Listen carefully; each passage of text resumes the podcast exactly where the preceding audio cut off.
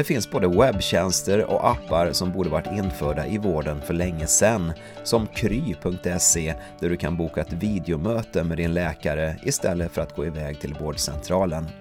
Det här säger experten och utvecklaren inom e-hälsa Henrik Allén. Han tipsar också om andra användbara tjänster och varför e-hälsan kommer att vara avgörande för att hantera vår åldrande befolkning. Och jag som leder det här samtalet är frilansjournalisten Thomas Johansson. Då befinner jag mig på ett hotell i centrala Stockholm och framför mig har jag Henrik Allén. Välkommen till programmet. Tack så mycket. Bakom mig har jag en bar som kanske kommer att höras lite grann, men vi får se. Vi ska göra vårt bästa här för att det ska vara behagligt att lyssna på det här. Jag skulle kunna kalla dig Henrik för expert inom e-hälsa, men det är ju ett relativt abstrakt begrepp och presentation. Vill du kort berätta om din bakgrund och på vilket sätt du jobbar med e-hälsa? Ja, visst. Ehm, jag jobbar ganska brett då som eh, katalysator för utvecklingsprojekt. Så jag, det vill säga jag driver eh, produktion av e-hälsotjänster från behovsanalys till idégenerering och sen vidare till produktion av själva tjänsten. Och jag hjälper då eh, institutioner inom forskning och utveckling, till exempel på Karolinska institutet, och andra sådana inom offentliga sjukvården, men också då privata aktörer inom den växande e-hälsobranschen. Men då kommer du ifrån den mediala tekniska sidan så att säga. Du kommer inte ifrån vården med andra ord. Nej, jag har ingen bakgrund inom vården men jag har jobbat i över 20 år inom life science med att producera utbildningsprogram och, och eh, multimediala eh, digitala produktioner för läkemedelsbolag, för apotek, personal och, och så vidare. Så jag har lärt mig en hel del om hur vården fungerar på kuppen. Du har en blogg också och där skrev du nyligen att du efterlyste ett nytt begrepp för e-hälsa. Varför? Ja, jag försöker föra lite debatt och lite opinionsbildning på min blogg alfabravo.com. Eh, och jag tycker då att det här begreppet e-hälsa får vi nog leva med. Men jag gillar egentligen inte ordet e därför att man förväxlar ofta då e-hälsa med det som jag kallar för hälso-IT och som också EU har en officiell definition på att hälso-IT är alltså administrativa system och hjälpmedel för att eh, hantera till exempel tidsbokningar av läkarbesök eller eh, att få tillgång till sin journal på nätet och så vidare. Och allt det där är ju jättebra tjänster eh, som naturligtvis måste vidare digitaliseras. Men det handlar ju inte om att direkt förbättra någons hälsa. Och därför menar jag på att begreppet e-hälsa bör smalnas av och definieras tydligare till att mena hälsoförbättrande digitala tjänster.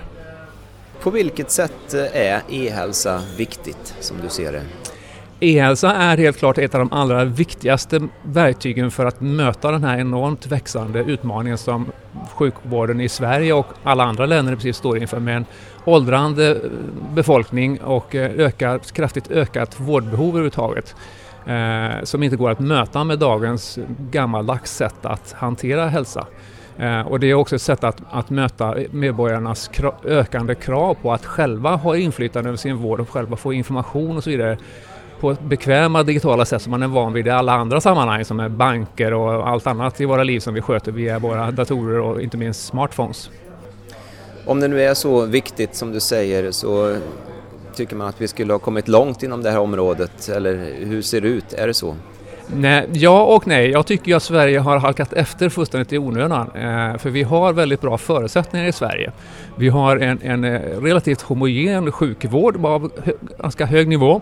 Eh, och vi har framförallt en IT-mogen befolkning som har smartphones, vi har bredband överallt i Sverige och så vidare. Eh, och även äldre, vilket är en viktig skillnad då, att även äldre i Sverige använder internet eh, till väldigt stor utsträckning jämfört med många andra länder. Så alla de förutsättningarna finns. Eh, men den offentliga sjukvården har varit långsam med att breddinföra, alltså i någon större utsträckning, rena e-hälsotjänster. Vi har många bra pilotprojekt som körs i liten skala, men väldigt få breda tjänster. Vad är e-hälsa egentligen? Ehm, ja, e-hälsa är då någon form av digital tjänst som eh, antingen en patient eh, eller en medborgare kan använda för att hantera sin hälsa på något vis eller som vårdpersonal kan använda för att eh, få beslutsstöd i diagnostisering till exempel. Eller för att stödja hela processen med att samla in medicinska data och ha som underlag sen för kvalitetsregister och vård, och diagnos och behandling. Och ofta, allt oftare då så handlar det om mobila appar av olika slag, för mobilen håller på att bli centrum i allt vad vi gör. Kan du exemplifiera lite grann? Du jobbar ju inom det här området. Eh, eh, ge några konkreta exempel på bra tjänster inom det här. Ja, det finns till exempel tjänster som hjälper läkare att eh, snabbare diagnostisera. Det finns en, en, en, en bra svensk tjänst som heter Dermicus som innebär att en primärvårdsläkare kan använda en vanlig smartphone med en speciell objektiv på för att ta bilder på misstänkta hudförändringar. Så att, så att du kommer in till din primärvårdsläkare och har någon leverfläck eller någon fläck någonstans eh, så kan primärvårdsläkaren ta en bild på det där som direkt laddas upp till en, en ett molntjänst där det sitter då specialister, hudspecialister och snabbt bedömer de där fläckarna och skickar tillbaks ett svar att vad man bör göra med den där fläcken, om den ska karvas bort och analyseras eller om den är okej. Okay, liksom. Eh, och det där förkortar då diagnostiden, vilket är en av e-hälsotjänsternas viktigaste tillämpningar, tror jag, att, att förkorta tiden från symptom till diagnos, som ofta är alldeles för lång inom olika sjukdomar. Inom hudcancer är det ju fullständigt eh, avgörande om du får en snabb eh, diagnostisering och kan göra något åt det innan det hinner sprida sig. Och just det här verktyget då, Dermicus har ehm, eh, då just effektiviseringen består i att den kortar den tiden och att den effektiviserar både primärvårdsläkarnas och hudspecialisternas arbete. De kan lägga ner, behandla mer, fler patienter på kortare tid och därmed spara massa pengar. Häng gärna på några ytterligare stalltips här för de eh, som eh, kan vara berörda av intressanta appar eller eh, andra tjänster. Ja, sen finns det ju de här självklara tjänsterna som borde varit införda för länge sedan. Till exempel då kry.se som är en vårdcentral på nätet där du istället för att gå till vårdcentralen så kan du sätta dig framför datorn och boka ett videomöte med din läkare. Och det borde ha funnits länge men, men det har man inte lyckats hitta ersättningsmodeller för än så att det, det, har först nu lanserats och det är fortfarande inte klart hur de ska kunna sprida den. Det kommer ju att lösa sig men det är en sån där självklar bastjänst att bara kunna bedriva läkarmöten via nätet istället för att behöva åka någonstans för, för rutinbesök. Och det gäller ju även kroniskt sjuka som gör alla dessa årliga rutinbesök. Självklart ska de kunna göra det på alla valbara digitala sätt också. Eh, sen finns det också mera sån här eh, konsumentdrivna tjänster. Sen finns det en svensk tjänst som heter Wear, Wear Labs, We Are Labs, eh, som är en tjänst för att göra hälsokontroller på nätet med hjälp av blodanalyser. Så man går in på en hemsida och beställer olika paket med analyser och sen så får man då en automatisk remiss så man bara dyker upp på ett provtagningsställe och, och tar lite blodprov. Och några timmar senare så får man ett sms med en inloggning till sin egen journal där man kan läsa av sina värden och sin hälsostatus och får råd av en läkare som har gått igenom det där. Då. Eh, och det används ju då av två sorters människor idag. Eh, och det ena är de som bara är allmänt hälsointresserade och vill ha koll på sin hälsa. För man kan mäta väldigt mycket med blodprover. Eh, vitaminbrist till exempel. Men också av människor som har någon form av kronisk diagnos och som tycker att informationen som man får från vården är för knapphändig och det är för sällan man, man mäter saker i vården. Och så vill göra det själva då oftare och ha, och ha koll på sina egna värden. Det finns eh, flera, många sådana tjänster. Av alla de exempelvis appar som utvecklas idag eh, som har med vård, hälsa, omsorg eller friskvård att göra, hur många har vetenskaplig förankring? Eh, ja, det finns ju det finns ju naturligtvis ett antal sådana som, som har en vetenskaplig förankring. Jag är själv involverad i ett sådant projekt som kallas för Trappen som jag vet att du har pratat med också. Som har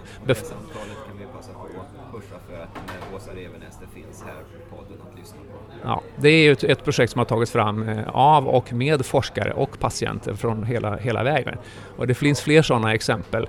Eh, ett annat sådant som jag också varit involverad i är en tjänst som heter ontilederna.nu som har utvecklats i ett samarbete mellan Karolinska institutet och Stockholms läns landsting. Och det är en exempel på en intressant typ av e-hälsotjänst, en screeningtjänst, det vill säga en tjänst som är till för att hjälpa medborgare som har någon form av besvär att snabbare komma in till rätt vård om de behöver det. Och att de inte ska behöva söka vård om de inte behöver, behöver det.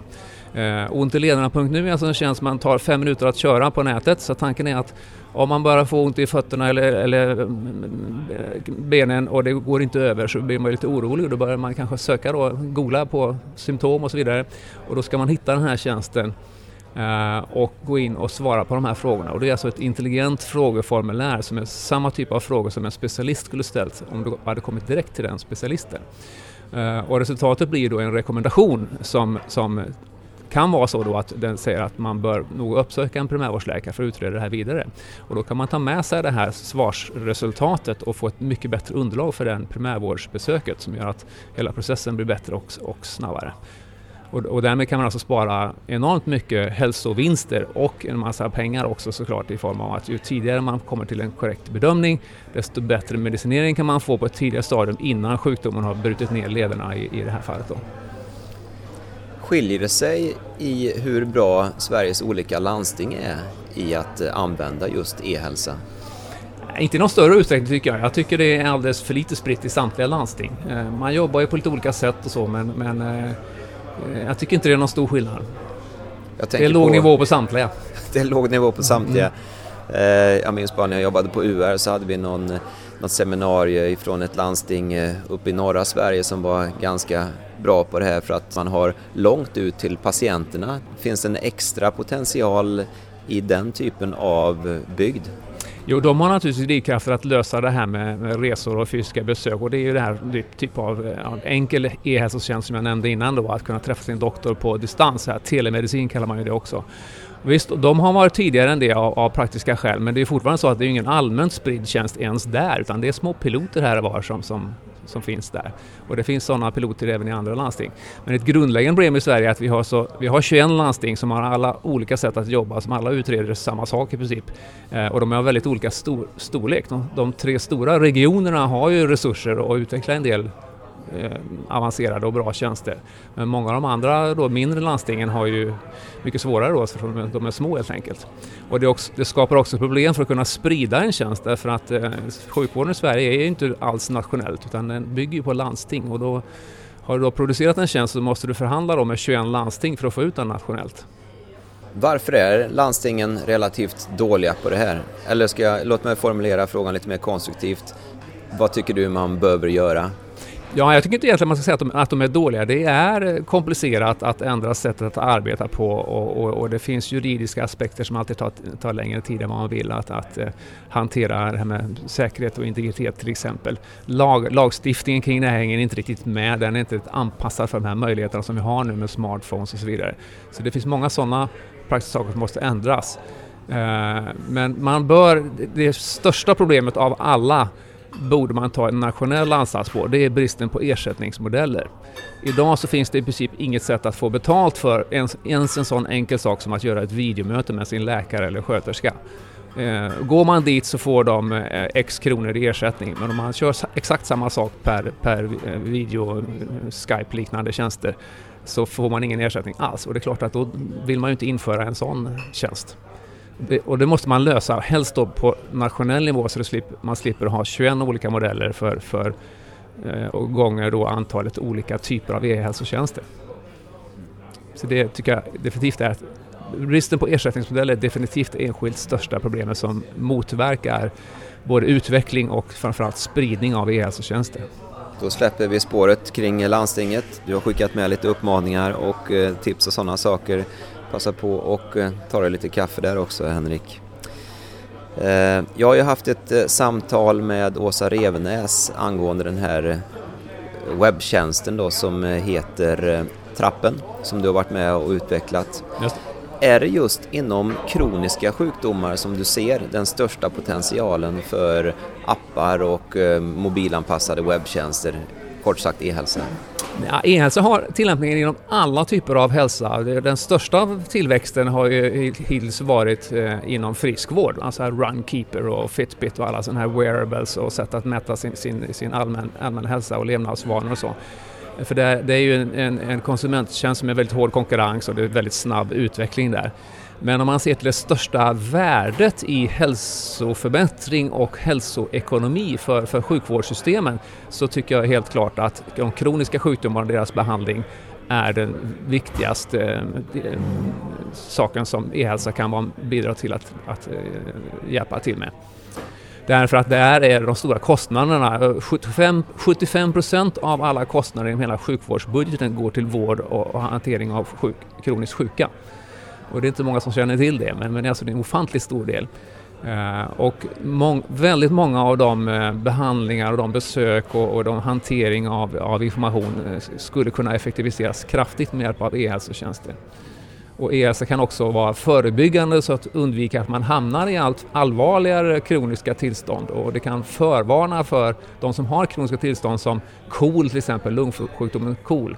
Så finns det idag system som kan låta patienten logga sina hälsotillstånd eh, dagligen och sin lungkapacitet och syresättning av blodet och så vidare och som kan eh, förvarna när trenden i dessa data visar att det kommer nog ett, ett skov, en förvärrande av tillståndet inom kort och då kan man förebygga det så man slipper åka ambulans med andnöd in, in till sjukhus för intensivvård och därmed spara väldigt mycket pengar och framförallt hälsa då för patienten.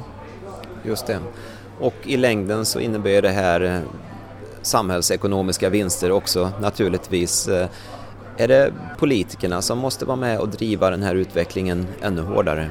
Ja visst, och vi börjar ju få politiker nu som, som förstår det här och som börjar, börjar driva på. Men det behövs ju fler sådana på alla nivåer. Är det något specifikt som du eh, vill se där? Jag vill, jag vill se ett eh, nationellt krafttag till att få lösa det här med ersättningsmodeller för e-hälsa och att uppmuntra alla landsting och alla, alla kliniker och, och läkare att ta, ta tag i och börja använda e-hälsotjänster. Och det ska göras tillsammans med dem. Det ska helst inte komma uppifrån och ner order om att ställa om utan det ska vara en innovationskraft som kommer inifrån verksamheten och tillsammans med både vårdpersonal och patienter. Om man är intresserad av det här oavsett om man är patient, anhörig, jobbar inom vård, hälsa, omsorg och så vidare. Hur gör man för att söka sig vidare i den här djungeln och hitta produkter som skulle kunna passa för mig? Ja, det är, en, det är en väldigt bra fråga för att det är så, om du googlar idag på något slags symptom eller någon sjukdom så får du ju tusentals träffar från hela världen och det är väldigt svårt att bedöma vilka som är bra för mig och vilka som ens är seriösa och beforskade som du, som du påpekade tidigare. Så jag tycker att det finns ett behov av en svensk tjänst eh, som, som hjälper mig att sålla i den där. Eh, för jag tycker att vi har en bra svensk sjukvård och jag hoppas att den inte fortsätter att hålla så låg profil inom e-hälsa som de har gjort hittills utan ta tag i det här så att vi kan se då kvalitetssäkrade tjänster. Den här tjänsten som jag nämnde, ontelederna.nu, är ju en beforskad tjänst från Karolinska institutet och Stockholms läns landsting och det ser man så fort man har sökt fram den på, på Google och då kan man ju tycka att eh, då är det en viss kvalitetssäkring i sig då jämfört med om det var en helt anonym tjänst ifrån något annat land så att säga. Eh, jag har också varit med och tagit fram ett koncept för att sprida inspiration kring lämpliga och bra, bra tjänster som heter Ringla. Så på sajten ringla.nu så har man en redaktion som samlar ihop bra exempel och den riktar då både till vårdpersonal som vill få inspiration om hur andra vårdkliniker och, och läkare och sjuksköterskor jobbar med e-hälsotjänster men också till allmänheten då så de ska få koll på vad man faktiskt kan göra. Och det, jag tycker det behövs fler sådana eh, initiativ för att lyfta fram de, de bra exempel som faktiskt finns. Om vi ska avsluta det här samtalet med en framtidsspaning och då får du gärna väva in andra grejer som du tycker är spännande i det här sammanhanget. Vart tror du att vi befinner oss om, låt oss säga, tio år? Och samtidigt, hur skulle du vilja att det ser ut om tio år? Det är kanske inte riktigt samma sak det där. Ja, det viktigaste tycker jag som, som e bra e-hälsotjänster eh, står för det är eh, vad man kan på engelska kalla för patient empowerment eller patientkraft på svenska. Det vill säga att, att man involverar patienten, man ger patienten verktyg att vara delaktig i sin egen behandling. Eh, så att dels att eh, om bara några år hoppas jag att det blir standard att de medicinska data som finns om mig, jag har varit och tagit, gjort en provtagning eller fått en undersökning av en doktor eller varit på ett labb och så vidare. De data som genereras av det ska ju ägas och kontrolleras av mig som patient. De ska, eh, så att jag kan ha koll på dem. Och jag ska ha hjälp med att tolka dem så att efter min förmåga så ska jag kunna vara så delaktig som jag, som jag själv vill. Det är egentligen den viktigaste skillnaden. En annan sak som jag verkligen brinner för som kommer att vara den andra stora revolutionen som e-hälsa innebär, det är att man kommer att gå från spotchecks till en kontinuerlig hälsomonitorering. För idag om man har en sjukdom så man, kommer man till läkaren och de tar prover den dagen och kollar hur man mår, den, frågar hur man mår just då och sen så kanske jag träffar läkaren igen om ett halvår eller ett år. Däremellan har de inte koll på hur, hur jag mår. Jag själv har inga verktyg för att mäta det på något objektivt sätt. Jag kan ju bara känna efter så här. Men med hjälp av alla de här e-hälsotjänsterna och olika sensorer och saker som jag kan hänga på mig eller som min smartphone redan idag kan mäta så kan jag ha en daglig, kanske ett helt kontinuerlig monitorering av mina olika medicinska värden och hur jag mår. Både mentalt, hur jag känner mig och fysiskt olika blodvärden och, och andra medicinska data. Och det kommer att fullständigt revolutionera vården framöver och, och möjliggöra helt andra sätt att jobba. Eh, för att det möjliggör också det här andra trenden som man pratar om, individualiserad vård. Idag om jag får en sjukdom så blir jag behandlad som snittet av, av den populationen som har den sjukdomen med de övergripande riktlinjerna. Jag blir ju inte behandlad efter den individ som är med min kropp och mina förutsättningar av min ålder och mina in, behov och intressen. Eh, och det här möjliggör då den här individualiserade behandlingen som kommer att leda till mycket bättre hälsoresultat. Så att alla de här allvarliga kroniska sjukdomarna som vi har idag kommer ju minska kraftigt. Så att eh, det här, eh, en farhåga man kan ha då att man som patient till slut bara sitter med en mobiltelefon i handen eller framför en dator. Du låter, det låter inte som att du är riktigt rädd för att man eh, överges i sin sjukdom utan på dig tycker jag det låter som att eh, det är snarare patienten som får ökad makt över sin egen situation och sjukdom. Ja precis, det där är en väldigt vanlig och också tycker jag relevant invändning. Men det, är inte det, men det är inte det det handlar om att vi ska bli datoriserade och prata med en datorskärm istället för en läkare. Utan det innebär att jag själv ska ha kontroll över vad som händer och, för, och vara delaktig i det hela. Och när jag så behöver så, så, ska det finnas resurser att jag ska träffa en läkare, en sköterska eller en fysioterapeut eller vad det nu är. Medan alla sådana här rutinbesök och över, övergripande monitorering av min hälsostat och så vidare behöver jag inte ta ledigt från jobbet och åka till eh, sjukhuset för att göra. Eh, och det är också så att vi måste ju, redan idag så har vi ju enorma resursproblem i, i vården. Eh, och vi måste lösa dem för det går inte att anställa 100 000 fler sköterskor och läkare, det är helt omöjligt.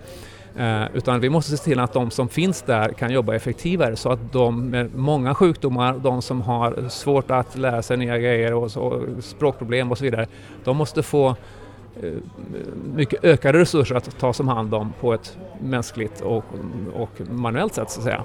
Därför att många av oss kan hantera det här på olika digitala sätt. Jag brukar jämföra med utvecklingen inom bankerna. Eh, när vi införde internetbanktjänster i Sverige i slutet på 90-talet så tog det inte mer än något sex månader till ett år förrän det började bli eh, enormt populärt för folk tyckte först att varför ska jag sitta och göra bankens jobb? Sen insåg man plötsligt att det var ju rätt skönt att kunna sitta och betala räkningar på kvällen när barnen har somnat istället för att göra det på lunchrasten och stå i kö på banken. Uh, och det har ju sen exploderat så idag finns det väldigt, väldigt få människor kvar som, som inte använder någon form av internetbaserad banktjänst. Och senast i den utvecklingen har ju varit då när man började använda mobilappar för att betala räkningar så man kunde ta en bild av räkningen och slippa knappa in alla de där siffrorna. Det har också slagit igenom på bred front på väldigt kort tid de senaste åren. Och samma sak måste ju hända inom vården det finns ett ökande gap nu då, som det här illustrerar, mellan hur vi är vana vid att använda även ganska avancerade digitala tjänster i alla andra sammanhang, sammanhang i samhället. Men inom vården får man fortfarande pappersbrev med kallelse till ett möte. Så vill man inte ha den tiden på torsdag klockan två så måste man ringa, ställa sig i telefonkö och boka om den. Och när jag kommer dit så får jag en manuell undersökning som, som eh, kanske kunde gjort på något effektivare sätt. Uh, och sen uh, resultatet av det får jag ett nytt brev och så vidare. Man jobbar väldigt annorlunda då jämfört med vad man är van vid i alla andra sammanhang. Mm. Och, och det gapet måste ju slutas. Mm.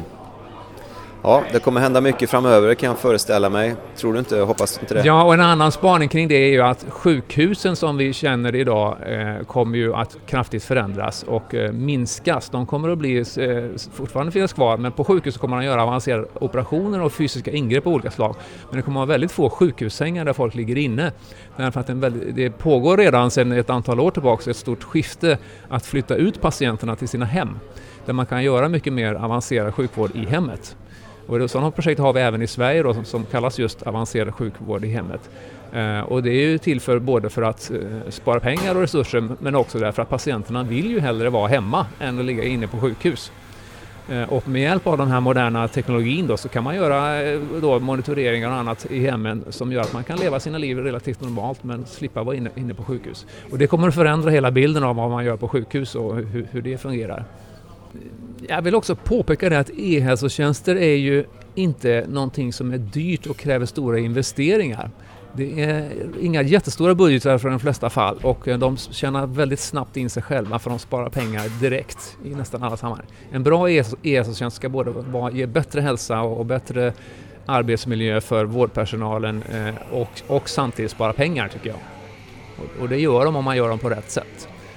Men vi måste också lyfta upp några problemområden, utmaningar kring det här så att det mm. inte bara blir halleluja-möte. Ja, eh, vad finns det för några som du ser? Den givna farhågan är ju naturligtvis här med säkerheten och integriteten. Om alla våra hälsodata ligger ute på nätet, eh, hur hanterar vi dem då? Och kan det missbrukas?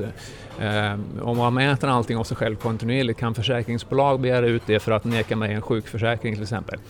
Eh, och det där måste ju diskuteras noggrant och finnas då nationella och internationella lagar och regler som, som beaktar patienten.